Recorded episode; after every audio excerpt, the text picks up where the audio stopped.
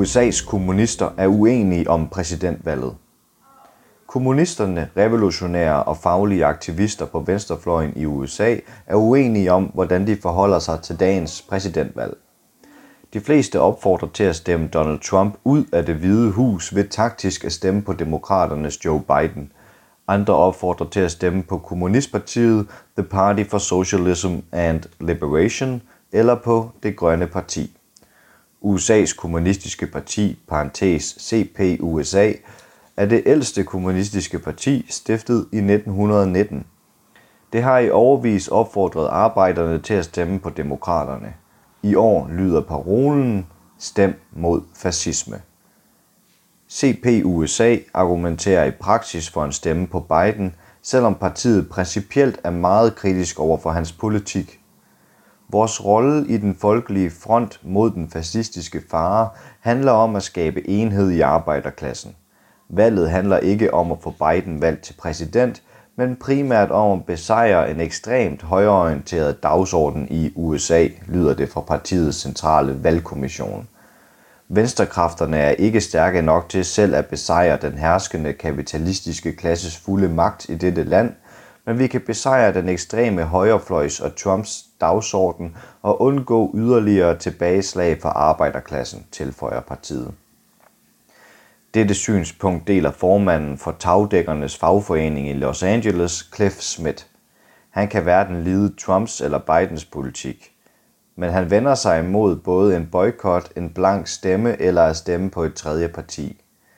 Ved dette valg er en stemme på et tredje parti næsten værre end at stemme blankt eller at boykotte, for det hjælper kun Trump med at bevare og udvide sin magt. Det amerikanske valgsystem, hvor vinderen tager det hele, betyder, at kun en af de to store kapitalistiske partier, demokraterne og republikanerne, i øjeblikket kan sikre sig kontrollen over statsmagten, siger han til arbejderen.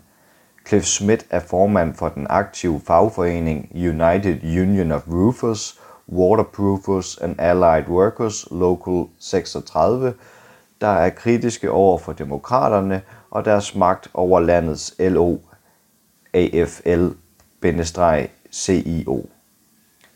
Cliff Smith tilføjer, at det for arbejderklassen er et spørgsmål om det mindre onde mod det meget onde. Trump er værre end Biden, mener han. Valget handler ikke om troskab over for Joe Biden, men om vores muligheder for trinvist at påvirke det politiske landskab.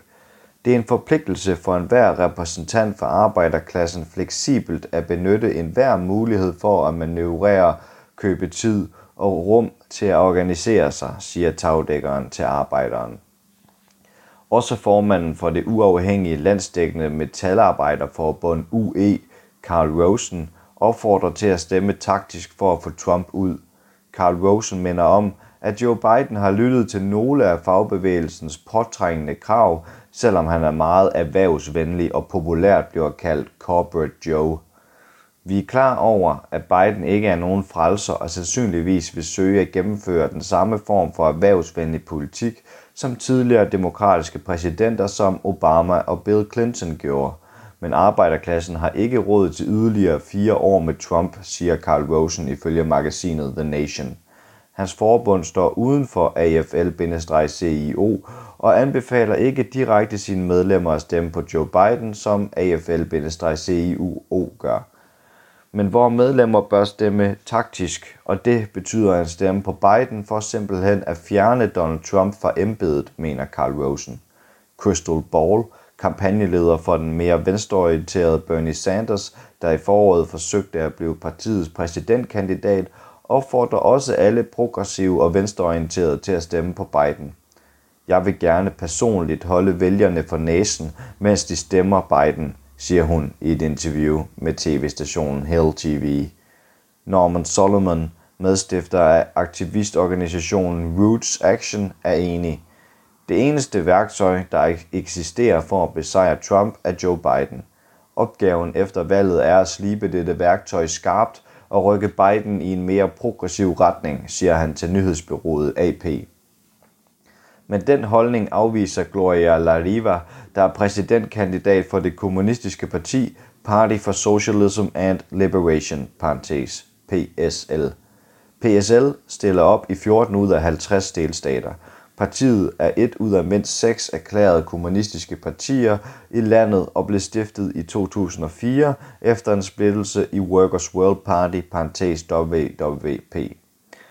Vi ønsker at øge vores stemmetal og vise landet, at ordet socialisme har tiltrækningskraft, siger hun til lokalbladet New Haven Independent. Gloria Laviva fik ved sidste præsidentvalg i 2016 176.000 stemmer. Også det grønne parti stiller op til valget med en platform for social retfærdighed og grøn klimahandling.